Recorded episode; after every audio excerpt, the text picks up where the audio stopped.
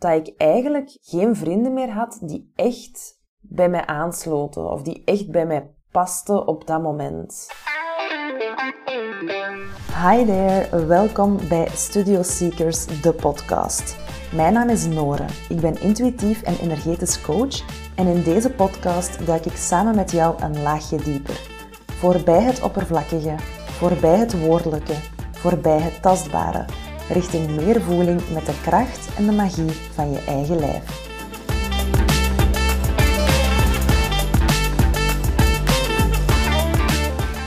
Hey you en welkom bij een nieuwe aflevering van Studio Seekers, de podcast. Het is weer effie geleden dat ik mijn stem hier heb laten horen, maar ik heb er eigenlijk gigantisch veel zin in om er opnieuw in te vliegen. Giga spontaan ook, want ik had eigenlijk helemaal niet ingepland om deze aflevering vandaag op te nemen. Maar ja, hoe spontaner, hoe beter vaak. Dus bij deze heb ik eigenlijk ook wel gewoon zin om er gewoon straight to the kern in te vliegen. De laatste tijd krijg ik heel vaak de vraag: Zeg Nore, hoe komt het dat een helingsproces soms zo alleen aanvoelt, zo eenzaam aanvoelt?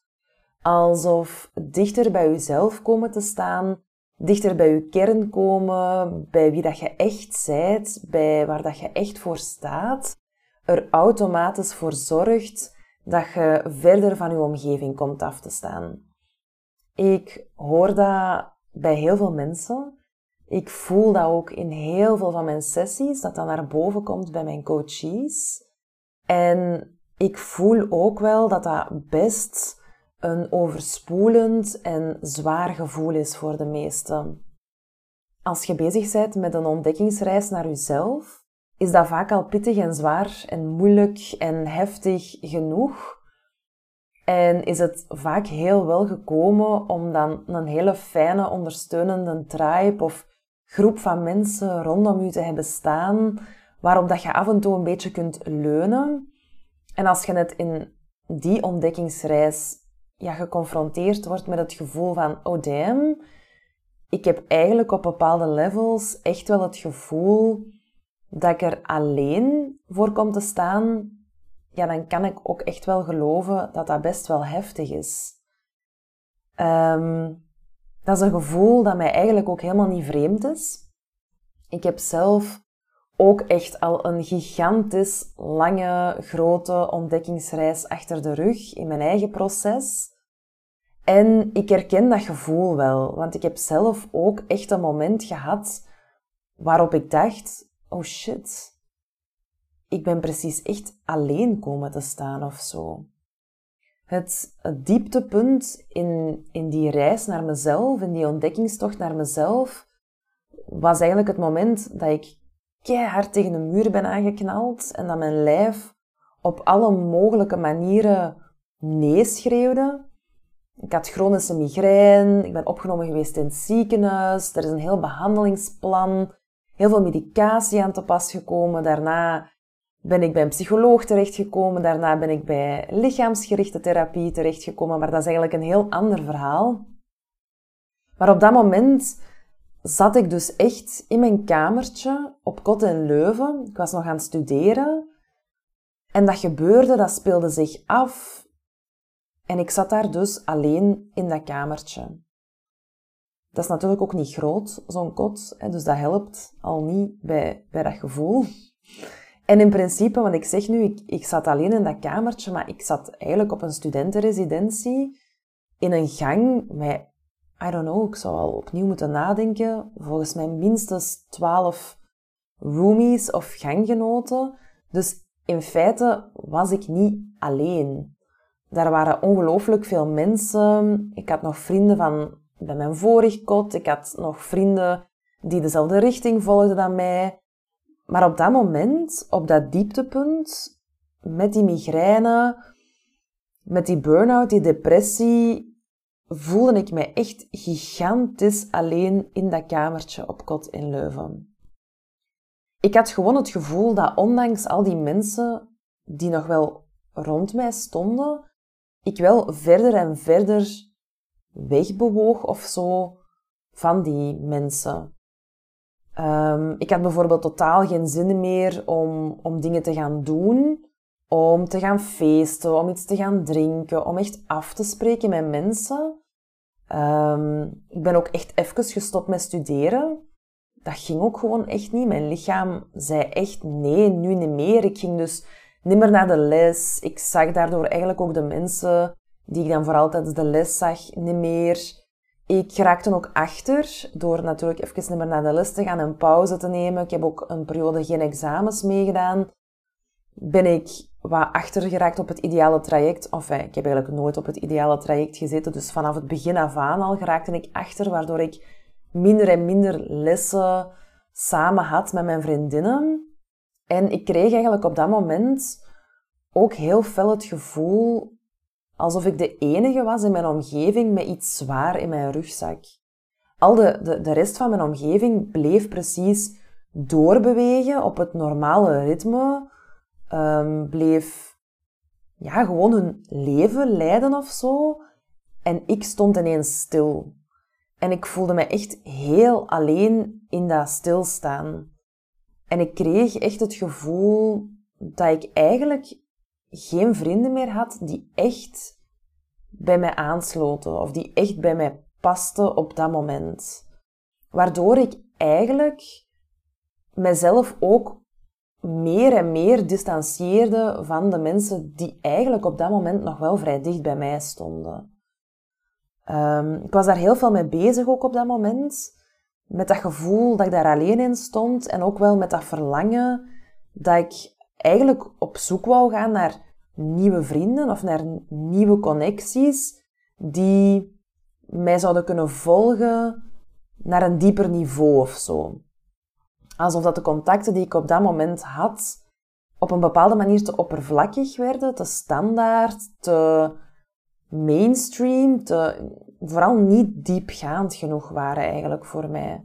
Alsof ik met niemand op dat moment echt kon praten of delen hoe intens het eigenlijk wel niet was waar ik op dat moment door aan het gaan was. Alsof ik het gevoel had dat er voor mijzelf een hele nieuwe wereld opengegaan was. Positief, maar ook negatief, want dat was natuurlijk wel heel zwaar. En dat ik zoiets had van, hè, die deur staat hier nu open bij mij, maar die staat precies bij niemand anders in mijn omgeving open. Dat is zo alsof dat er ineens twee werelden zijn en ik kan eigenlijk alleen maar over wereld 1 praten met de mensen die nu nog rondom mij staan. Maar ik heb eigenlijk heel veel nood aan wereld 2. En er is nu precies niemand hier die ook nog maar doorheeft dat er ook een wereld 2 is. Ik ben toen op zoek beginnen gaan naar nieuwe vrienden. Maar eigenlijk ja, wist ik ook niet zo goed hoe dat ik daar aan moest beginnen of zo. Ik had daar heel weinig geduld in en ik benaderde dat toen ook heel fel vanuit mijn hoofd. Ik ging echt een soort van plan bedenken van, oké, vrienden, hoe maakt je dat? Waar komt je die tegen? Oké, ik ben op zoek naar mensen die met mij op een bepaald level veel diepgaander kunnen verbinden. Oké, ik ga die dan waarschijnlijk tegenkomen op plaatsen waar zo'n mensen dan samenkomen of rond activiteiten uh, waar dat zo'n mensen tussen twee aanhalingstekens mee bezig zijn. En ik weet nog dat mijn eerste poging daartoe uh, yoga was. Ik voelde al langer van oké, mensen die zo wat meer stilstaan bij zichzelf, die, die doen blijkbaar alles yoga. Dus ik heb dat dan te, te gaan proberen of zo. En daar is dat misschien een plaats waar dat ik um, ja, nieuwe vrienden zou tegenkomen. Ja, dat is natuurlijk een prachtig plan vanuit je hoofd, maar dat werkt natuurlijk niet altijd op die manier. Ik weet dat ik dan ook echt yoga ben beginnen volgen in een studio in Leuven. Een studio die eigenlijk op dat moment ook niet volledig aansloot, of een, of een manier van lesgeven, of een, of een lesgeefster, die op dat moment niet volledig aansloot bij waar dat ik naar op zoek was. Dus ik was daar eigenlijk ook al heel snel teleurgesteld in. En dan heb ik ook die yoga volledig overboord gegooid. Terwijl dat ik dan nu merk dat ik dat eigenlijk in een latere fase van mijn leven wel opnieuw gevonden heb, die yoga. omdat dat mij eigenlijk in de kern wel heel veel bracht en nog altijd brengt, want ik doe dat nog altijd wekelijks. Maar op dat moment bracht mij dat niet meteen nieuwe vrienden. En bracht mij dat vooral ook veel frustratie, want ik ging dan yin-yoga doen. Dat is eigenlijk een hele rustige vorm van yoga, waarin dat je je bindweefsel en je zenuwstelsel tot rust kunt laten komen. En ik was toen nog gewoon van altijd die zware powertrainingen te doen. Gigantisch veel krachttraining, um, gewichten van hier naar daar. Dat ik op een heel opgespannen en geforceerde manier in die yoga-houdingen ging liggen. En ze waren mij dan heel de tijd daardoor aan het leiden van, hey, en je voelt nu de rust en laat maar los. En ik lag daar op die mat en ik dacht, loslaten? Ik ben mijn eigen hier echt kapot aan het zweten. Dus ja, boom. Om u even te kaderen hoeveel druk dat er eigenlijk op dat moment achter heel die yoga en het vinden van vrienden, het vinden van vrienden op de yoga of tijdens de yogales zat. Eigenlijk, nu achteraf bekeken, vind ik dat helemaal niet raar dat er tijdens uw diepgaande reis naar uzelf ergens een fase passeert waarin dat je heel alleen of heel eenzaam voelt. Nu dus, achteraf. Op dat moment overviel mij dat wel gigantisch hard. En ik merk ook dat dat heel veel andere mensen overvalt in die mate dat er zoals heel vaak een beetje een paniekreactie rond ontstaat. Maar tijdens een reis naar binnen, tijdens innerlijk werk, op welke manier dan ook, zijt je eigenlijk laagjes van jezelf aan het afpellen of aan het wegnemen, aan het verwijderen om steeds dichter bij je eigen kern te landen. En dat zijn laagjes die dat je doorheen je leven bij hebt aangedaan om de wonden die dat je hebt op je lichaam te gaan beschermen. Om die zo weinig mogelijk te laten zien, om die zo goed mogelijk in te pakken en om te vermijden dat andere mensen daarop duwen, zodat je pijn gedaan wordt. En dus om een duur, ik zie nu letterlijk een soort van Michelin-manneke voor mij staan, zeg je daar een ventje met ik weet nu veel laagjes, met ik weet nu veel jasjes aan, dat je echt zo'n gigantisch opgeblazen versie van jezelf wordt en bijna nimmer kunt bewegen door al die laagjes en door al die jasjes.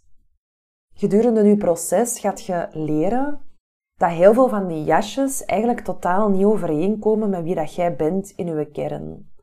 En gaat je dus stilletjes aan, laagje voor laagje afpellen en jasje voor jasje uitdoen en aan de kant leggen, omdat je je lichaam leert voelen dat je die jasjes eigenlijk niet meer nodig hebt om veilig te zijn. Maar wat gebeurt er nu heel vaak doorheen je leven? Je zit daar met al je jasjes aan en je connecteert met bepaalde mensen op basis van een bepaald jasje of meerdere jasjes. Dus je voelt je verbonden met iemand omdat uw jasje past bij het jasje van die andere persoon. En op het moment dat je natuurlijk die jasjes begint uit te doen, voelde jij ineens, oh shit, die connectie of, of, of dat level van connectie of verbinding valt nu precies ook ineens mee op de grond. En dat is best confronterend, maar tegelijkertijd eigenlijk ook helemaal niet raar.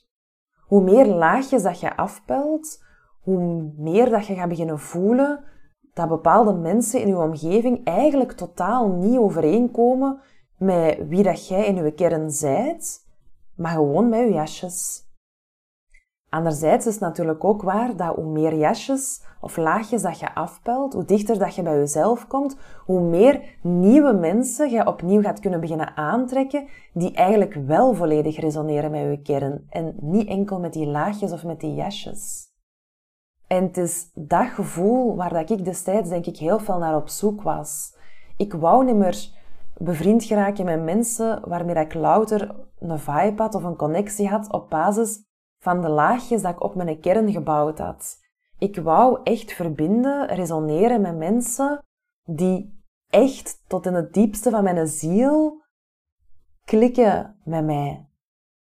En dus had ik een droom om op die manier een soort van tribe op te bouwen. Dat is dan zo het fancy woord, maar eigenlijk is dat wel een heel fijn woord, vind ik.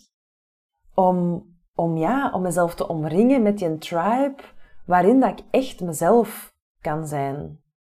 Intussen heb ik die trouwens ook gevonden, die tribe. Hoewel dat dat zo een inzicht is dat ik bij mezelf ja, soms nog moeilijk vind om vast te nemen. Want mijn hoofd had op voorhand een, een plan, een idee van hoe zo'n tribe eruit zou zien. Ik heb bijvoorbeeld nooit echt, nee dat is niet waar, ik heb vroeger ooit wel, maar de laatste jaren niet meer, zo echt een vriendengroep gehad. Ik had altijd de afgelopen jaren heel veel losse contacten die heel waardevol waren. En dan heel vroeger heb ik wel een vriendengroep gehad, maar daar ben ik een beetje uitgegroeid met verder te gaan studeren en dus letterlijk ook afstand te nemen van het dorp waar dat ik ben grootgebracht. En ik had ook een bepaald idee dat die een tribe, dat dat echt ene warme groep zou zijn, met vrouwen, maar ook mannen, waarin dat ik dan mijn deeltje of mijn plekje zou kunnen hebben. En ik weet het niet, vorig jaar of zo was zo het eerste moment dat ik zo'n keer van op een afstandje naar mijn leven en naar mijn verbindingen en mijn connecties begon te kijken en dat ik eigenlijk voelde, eigenlijk is mijn tribe gewoon al daar.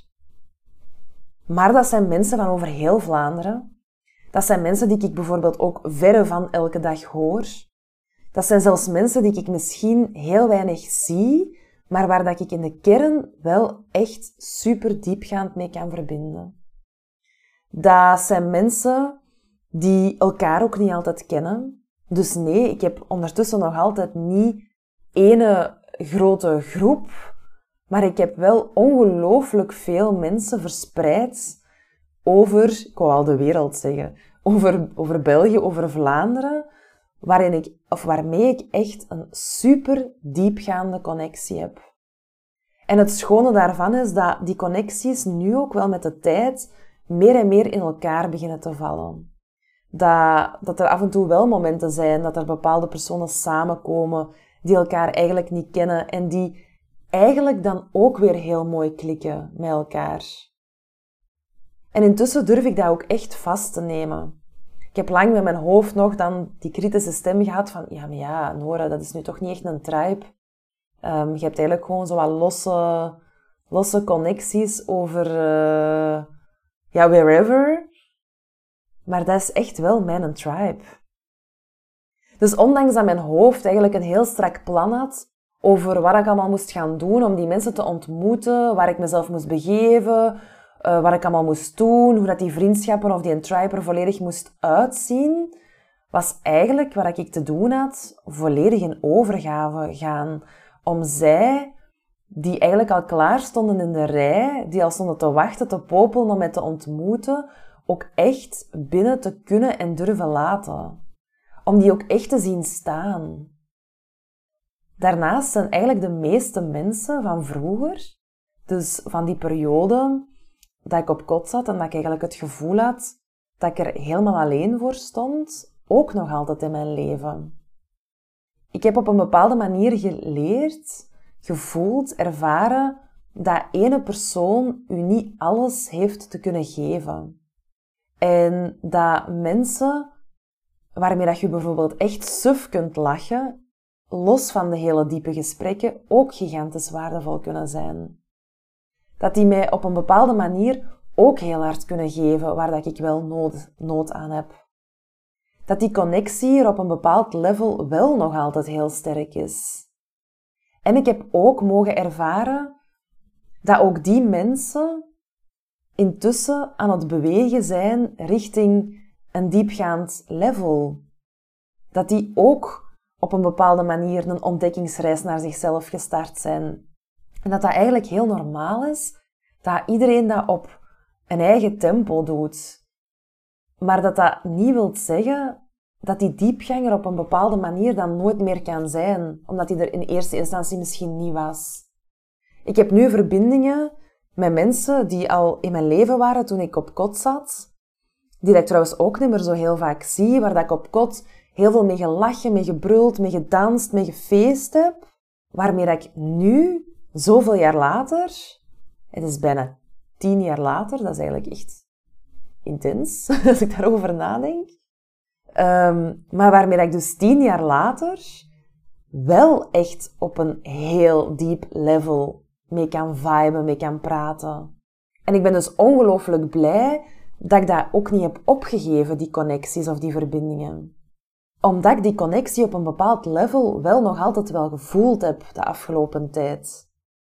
Als je het gevoel hebt dat je de connectie echt niet meer voelt, is het bijvoorbeeld ook meer dan oké om los te laten. En om heel dankbaar te zijn over de passage van een bepaalde persoon in je leven. Dat is ook iets wat ik echt heb moeten leren. Ik heb bijvoorbeeld heel lang liggen denken, voelen, liggen vastlopen omtrent het feit dat ik uit die vriendengroep ben gegaan waarin ik heel fel in zat voor ik verder ging studeren in het dorp waarin ik ben grootgebracht of groot geworden. Ik heb me daar heel lang schuldig over gevoeld en heel lang proberen zoeken naar waarom is dat nu gebeurd en, en waarom heb ik dat nu gedaan en, en waarom is dat nu uitgedoofd en heb ik iets verkeerd gedaan, hebben zij iets verkeerd gedaan, zijn ze boos op mij, ben ik boos op hun. Maar eigenlijk is dat gewoon uitgedoofd. En is dat op zich echt ook mega oké. Vriendschappen hoeven niet altijd voor altijd te zijn. Dat kan ook gewoon een, mooi, een mooie fase in je leven geweest zijn waarin dat je een gigantisch mooie verbinding hebt gehad met een bepaalde persoon, om dan verder te bewegen in je leven en opnieuw ruimte te maken voor andere personen. Ik denk het schoonste wat ik van dat proces bij mezelf mee wil nemen, of jou wil meegeven, is dat het gewoon gigantisch belangrijk is om jezelf en je verlangens open te zetten. Zodat zij, die echt met jou willen verbinden op zielsniveau, dat kunnen voelen, zich aangetrokken kunnen voelen tot u en ook kunnen binnengelaten worden door jou. En hoe meer dat je daarover nadenkt met je hoofd, of richting aan probeert te geven met je hoofd, of dat in handen probeert te nemen met je hoofd, ja, hoe minder dat er gaat gebeuren. En hoe meer dat je blijft vastlopen. En hoe meer eenzaam of alleen je gaat blijven voelen. En misschien is deze aflevering ook wel een uitnodiging om eens van op een afstand naar jezelf te kijken en in te voelen wie staat er wel al rondom mij? En wie zou ik willen dat er staat? Hoe moeten die zijn? Hoe voelt zo'n vriendschap? Hoe voelt zo'n connectie? Want als je die gevoelens tastbaar kunt maken voor jezelf, dan ben ik er echt van overtuigd dat de connectie of de connecties waar dat je al zo lang op aan het wachten bent, echt om de hoek staan. Dat het misschien zelfs gewoon maar een kwestie is om de deur open te zetten. En open te staan. For whatever. Los van het mooie beeld in uw hoofd. Zodat je de mensen kunt aantrekken vanuit uw lijf. Vanuit uw buik. Alright. Dat is een korte maar krachtige aflevering, denk ik dan. Eentje, ja, die ook wel echt recht vanuit mijn kern komt.